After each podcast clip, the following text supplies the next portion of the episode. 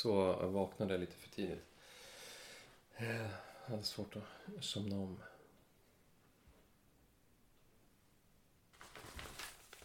Okej, så du har inte sovit tillräckligt? Nej. Hur är det med dig? Mm, ska vi ha den officiella versionen? Mm, jag tänker det. Jo, men det är ganska bra. På riktigt liksom. På riktigt? På riktigt. Hur är läget på riktigt? Um, så när jag mediterade igår så, så försökte jag verkligen bara så här känna vad som känns i mitt bröst. Mm. Mitt bröst och min hals. Och det känns ju ganska jobbigt där. Men det var ändå, ja, det var så, ja just det. Det är så skönt att bara liksom verkligen inte klyva sig själv i tu utan Vad, vad menar du? Klyva sig själv lite? Ja, men att, att vara i det istället för att försöka få bort det. Alltså den, Mm. den rörelsen att,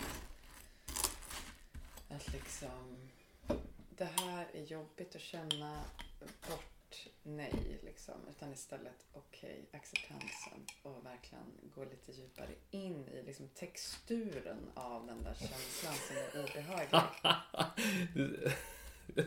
jag tycker det är jättebra. Jo, men det här kanske... Texturen av det, det är ju Ja. fantastiskt. Jo men, det här, jo men det här kanske kan få vara offentligt. För det här tror jag är... Det är sånt som kanske inte alla har tänkt på. Men som, som jag tänker på mycket som sen meditationsutövare. Och det gör säkert du också. Vad är att vara närvarande och vad är att acceptera eh, någonting som är jobbigt? Och den här transformationen som kan bli när man verkligen, verkligen accepterar och bara nästan som mergar med eh, den här smärtan eller obehaget. Och då är det som att det löses upp, kan det göra. Fast samtidigt så, så man inte får göra det för att man vill att det ska försvinna och lösas upp. Det är det som är liksom paradoxen. Man måste acceptera att det finns här. Mm. Och det kanske kommer finnas kvar jättelänge. Mm. Hur jobbigt det än är. Och vad händer om jag liksom går in i det och undersöker det och låter det få finnas och är i kontakt med det. Då, då är det någonting som frigörs liksom. Det är fantastiskt. Men jag måste hela tiden påminna mig om det. Vad, har- vad har meditationen för betydelse för dig i ditt liv i relation till, till jobb och sådär? Ehm. Alltså det som är mest aktuellt nu i mitt liv är stresshanteringsgrejen. Att eh, det ger mig någon slags stadga och förmåga att, in, att distansera mig från ehm, spiraler av stressande tankar och sånt och släppa taget om det och istället försöka vara lite mer här och nu i kroppen. Men sen så ehm, tro, upplever ju jag också att meditation är verkligen positivt på typ alla plan. Alltså jag menar verkligen på alla plan och även att jag blir liksom mer klar i tänkandet och sådär. Så jag tror att det liksom gör att jag tänker bättre också. Och, och, och, inte, och inte blir för impulsiv kanske. Liksom har att vara för impulsiv när man tänker och skriver och forskar och kan ju vara ett problem. Utan liksom kunna ha det här helhetsperspektivet. Och ja, men mer så här, bättre omdöme kanske, mer klarhet så. Det, det tror jag att jag får. På vilket sätt har du med dig meditationen i livet och arbetet? Hur påverkar det förutom liksom när du hur det känns när du faktiskt mediterar? Vad får det för avtryck liksom? Alltså för mig så blir, blir meditationen det är ett sätt att, att göra ett avstamp in i dagen. På morgonen. Vad sa du? För du mediterar på Ja, men morgonen. precis. Jag mediterar på morgonen. Men, ehm, en sak är att, att, att jag blir mer närvarande med eh, eleverna och kan se dem bättre tycker jag därför att mitt huvud är inte fullt av bara fyrverkerier. Utan li, lite mer stilla. Det, är liksom inte så mycket, det blir mindre impulsivitet i mitt liv. Och det är väl den här vardagsbetydelsen som det har för mig. Men sen så har det ju en djupare betydelse också. Som... Alltså jag har ju hela mitt liv från när jag var tre funderat över vem jag är, varför jag är här. Vad, vad är meningen med, med det här? Finns Gud? Um, och, och också haft en existentiell ångest över, att, uh, över tankar kring döden. Och, och mm, det har hjälpt mig med att bli vän med det. Och, men också att verkligen att, eh, mm, att sörja och få upp mycket gammalt. Så ja, jag blir helt enkelt mer fri, skulle jag säga. Det känns som att för, för dig har ju din drivkraft in, in i meditationen och sen har ju varit mer än för mig någon mer andlig, existentiell grej. Liksom, vad, vad är tillvarons grund? Sådär. Och det där intresserar ju mig med. Men det har liksom kommit mer. Du har haft med dig från början och för mig har det varit mer det här terapeutiska som förde mig in i meditationen. Att liksom få någon slags ordning på mig själv och hitta någon slags grundning. Uh, och inte bara vara i någon slags känslomässigt, tankemässigt virvar, kaos liksom. Verkligen att så här, Jag tycker det är en sån fantastisk metafor med att, man har ett glas med grumligt vatten och, och så liksom det här att man, om man låter det stå stilla så sjunker det ner till botten. Men det tar liksom ett, ett tag och det, för mig är det verkligen det som händer när jag mediterar. Men har du kommit, har, har det här eh, existentiella eller andliga, är det någonting som du har kommit närmare? Mm. I, och med, mm. I och med att du har ändå mediterat i typ snart 20 år. Ja, jo men det är det. Det är det. På vilket sätt?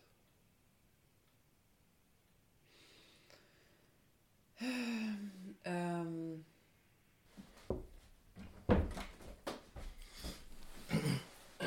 Alltså varför och hur vet jag inte riktigt. Det, det, eller det är nog mer bara liksom processen att ju mer man håller på med praktiken att meditera desto liksom djupare in i den typen av skikt av verkligheten kommer man säkert. Och att jag har varit så upptagen av det här med liksom psykologiska, terapeutiska och just känslor. För mig har ju det här med att hantera och eh, komma i kontakt med mina känslor som liksom sitter låsta inne i kroppen. Det har ju verkligen varit sånt fokus för mig och är det fortfarande. Det skulle jag säga är den största grejen för mig med meditation nästan. Men på något sätt så kan det också stå lite i vägen då för det här att bara oavsett hur jag känner just nu så finns det alltid liksom egentligen är jag fri oavsett vad. Men ja, jag vet inte. Jag vet inte hur det har vuxit fram men, men det har vuxit fram att jag är mer att nu är det något som resonerar i mig med den här typiska zen-frågan som det finns en koan då. En koan är ju en typ av um, fråga som man kan sitta med när man mediterar och som man använder i en del zen-traditioner. Och det är det här, vem är jag? Eller vad är det? Vad är det här? Och på något sätt så tidigare i mitt liv så var det som att den frågan sa inte mig så mycket. Men nu, är, nu gör den det. Nu är det så här, men vad är det här? Men vem, vem är jag? Vad, vad är det här medvetandet som sitter och känner och tänker och ser och upplever. Va- det, det, och det upplever ju jag att du alltid har haft med i den frågan. Medan för mig är det något som jag ah, börjar se liksom mer har gjort de senaste åren. Mm. Mm. Ja, och jag vet inte varför. Nej. Vi har väl olika grejer med oss. Liksom. Ja. Jag vet ju att du, för dig är också meditationen mycket ett sätt att ehm, det finns den här existentiella typ liksom religiösa grejen eller vad vi ska kalla det. Men att det har varit så mycket också terapeutiskt för dig att, att eh, komma i kontakt med känslor, smärta och sånt och liksom på något sätt jobbar dig igenom det, eller? Mm, Va, hur, hur tänker, hur, kan du berätta mer om det och hur, finns det någon, hur kopplar det till det här mera existentiella, mer andliga? Är det samma sak för dig eller är det två olika Mm. spår i meditationen?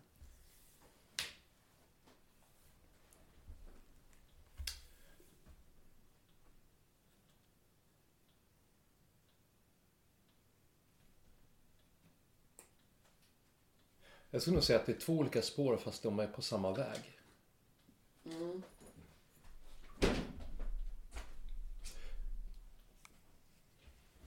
Hur då? Jag, jag vet inte.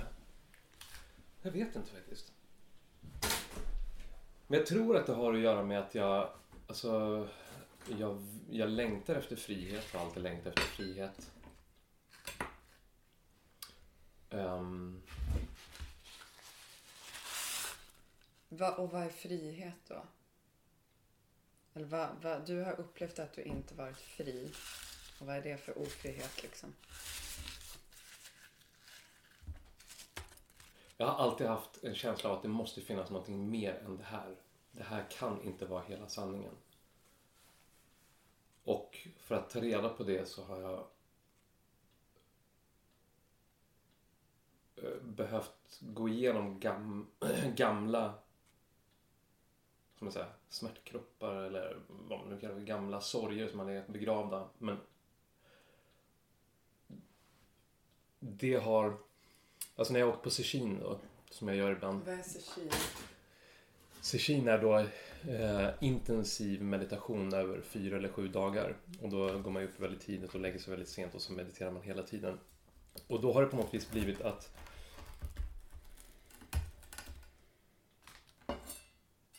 ehm, att gå igenom smärtorna har varit en del av vägen på att komma fram till upplevelsen av ehm, ett lösande av mina frågor. Typ så. Jag kan nog inte förklara på något annat sätt. Alltså, sen, sen har det blivit mer bara en del av mig. Men, sen så, men jag tänker också så här, en, en, en bieffekt av det här som jag inte hade räknat med. Det är, så i relation till jobbet, är att jag kan... Eh, jag arbetar ju som Waldorflärare. Och det finns en konflikt i ehm, det mätbara och det här att leva upp till eh, läroplanens kunskapskriterier. Ehm, och det liksom så här, kunskapen som ska vara mätbar. Men sen samtidigt så ser jag en människa framför mig som är ett levande väsen som är i en organisk process av att utvecklas och bli människa. Och, och det finns vissa lagbundenheter. Och där skulle jag säga att sen hjälper mig att ehm, att bli tom för att kunna ehm, ta in en annan människas väsen. Alltså så här, att verkligen eh, att se en människa. Inte på det här, vi pratade om det i ve- i veckan, inte på det analytiska, reduktionistiska eller intellektuella utan mer bara vara helt närvarande och, och, och se och liksom få en upplevelse av människan. Det är som att det skapas en bild i mig när jag tömmer mig själv på mina tankar, föreställningar, idéer och bara kan vara helt närvarande bara, och se den här människan i sin kontext som en blomma ehm, som är i utveckling. Mm. Och, och, och det, där finns det en konflikt i mig som jag tror sen hjälper mig också med att kunna leva i båda världarna. Med, Mm. med den här levande varelsen som jag älskar att möta och se. Och det här mätbara, även om jag tycker att det är jobbigare med det mätbara. typ så. Men det, det, Men det här får jag bara fråga. Ja, den, här, den här förmågan att tömma dig och, och, och liksom på ett intuitivt, intuitivt sätt connecta med andra människor. Det, det upplever jag att du... Det har du också nästan all, alltid haft. Och sen har du på något sätt så kultiverat och utvecklat det. Men, betyder, men vad är det det gör? Är det att du är liksom påverk... När du känner att du kan se en annan människa på det där liksom verkligen intuitiva sättet. Gör det också då att du vet hur du ska förhålla dig Ja, bättre till precis, människan och vad du precis. ska göra. ja, Och det är verkligen inte en, en tankeprocess Nej. utan det är något mer intuitivt. verkligen. Men det tycker jag är väldigt fascinerande. För det, eller ja, det, det har kanske jag också. Jag tänkte... Alla har kanske det. Men, men du verkar ha haft det väldigt starkt liksom, i Ja. hela ditt liv. Ehm, ja, men precis. För det, det tänkte jag på också med, med dig, så här, hur, hur, för du, du har ju också det här att leva i, liksom så här, i, i konflikter, i spänningar. Liksom. I, I att vara dels i det här äh, organiska och sen också i det reduktionistiska. Mm, eh, reduktion, vad menar du? Alltså eh, ja, analytiska kanske är bättre ord. Reduktionistiskt låter ju väldigt negativt. Ja. Alltså jag tänker ju på det, det reduktionistiska är ju för mig när jag tittar på partikelmodellen. Liksom. Man reducerar världen till att vara atomer och molekyler som interagerar med varandra. Och det, det jag tror att Fast det kanske- kan ju också vara en, en teoretisk modell. Det behöver inte betyda att man säger att det här är det enda som finns. För det skulle jag säga är reduktionistiskt. Ja, okej. Ja, Ja. att så- Men, ja, men precis, det, det analytiska då, som är mer i det intellektuella, mm, sen resonerade jag mer liksom med, med det, och det Mm. organiska. Alltså, så här, för jag tänker att du har väl också det här med att, att, vara, att vara tom och att kunna ta in en värld för att sen skapa tankar kring det. Och sen så har du också det här mätbara, som, alltså att arbeta med forskning och... Jo, men jag tror säkert att jag har det. Men det är ingenting som på något sätt är så tydligt för mig. Men för dig är det som att det att du, du använder verkligen det som en, en, ett verktyg i, i ditt jobb men också i, i hela livet. Och för dig verkar du verkar ha en så otroligt tydlig upplevelse av när du gör det och hur det som jag tror att det är väl någon gåva som du har också kanske. Men eh, vad jag tänkte på? Jo, jag tänkte på det här med det, va- varför jag började med meditation och att för mig har det varit någonting först och främst terapeutiskt. Och då, vilket, och då kan jag känna ibland att jag är ingen sån här riktig hardcore zen-utövare för då ska man liksom vara intresserad av upplysning och sånt. Inte typ att man ska må bra Mm, mm, mm. på något sånt här mer Ja. profant sätt. Men, men, men det jag har, och där, där du och jag liknar varandra, det är att jag är väldigt så här, intresserad av sanningen. Alltså jag, jag vill liksom hitta jag hatar, jag, jag, jag är inte en sån här person som kan gå omkring i lögner. Alltså det är klart jag säkert gör det till viss mån, till viss grad men eh, jag vill hellre liksom gå in i någonting som är jävligt jobbigt och smärtsamt så länge det liksom jag känner att jag kommer fram till något som är sant. Så där tycker jag, jag tror att jag har dragits till det att, att sitta och meditera. Då handlar det verkligen om att bara, okej, nu ska jag uppleva vad, vad händer här och nu och inte fly bort i tankar eller distraktioner. Så, och där tror jag att det finns kanske något mer liksom verkligen så att existentiellt driv som, som jag har med mig och som man kanske måste ha tror jag för att hålla på med meditation.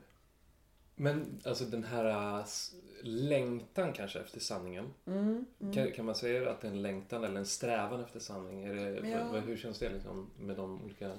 Jo, men jag tror nog jag har en längtan efter... Mm. När, och den här längtan efter sanning, så har du någon sån minne av, av när den... Vad ska man säga? När den blev tydlig för dig i ditt liv?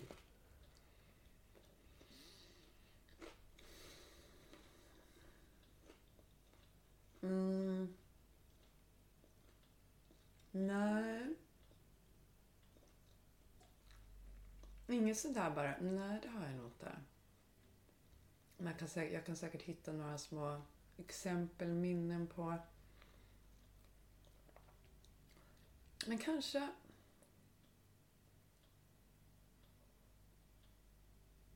Om det här att komma till ett djupare skikt. Liksom. Jo, men vet du vad? De första grejerna jag gjorde för att liksom gå åt det hållet, tror jag, var någon typ av liksom konstnärligt uttryck. Att jag, jag skriver poesi.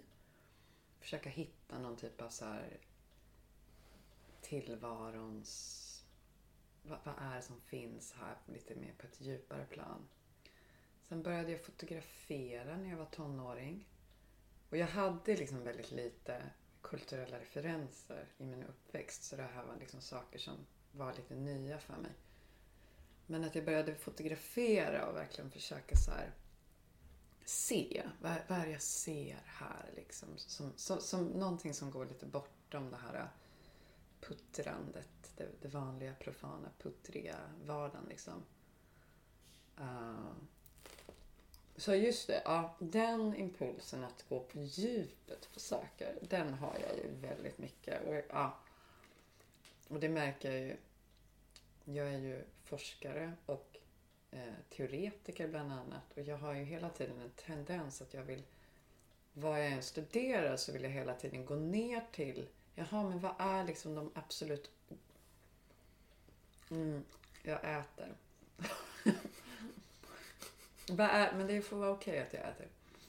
Mm, vad är de liksom absolut grundläggande nödvändiga ontologiska villkoren för att det här kan hända just nu. Jag vill hela tiden gå ner i det. Jag vet inte, det är väl bara så jag är. Mm. Vad fint. Alltså, alltså det finns en sanning i konsten. Ja, men absolut. Ja. Jag tänker väl, alltså... för det, både att, att, bara de två exemplen, att skriva poesi, att fotografera. Alltså det, det är någonting med närvaro som, som jag kunde uppleva där. Att, att så här, och, och någon närvaro som komma bort från tankarna. eh, Och hitta någon närvaro på ett annat plan. I det som är och försöka liksom spegla någon del av verkligheten som, som man upplever mer intuitivt. Och, och liksom, vad är det här? För annars så har ju jag väldigt starkt det här analytiska sättet att tänka också. Men det... Mm.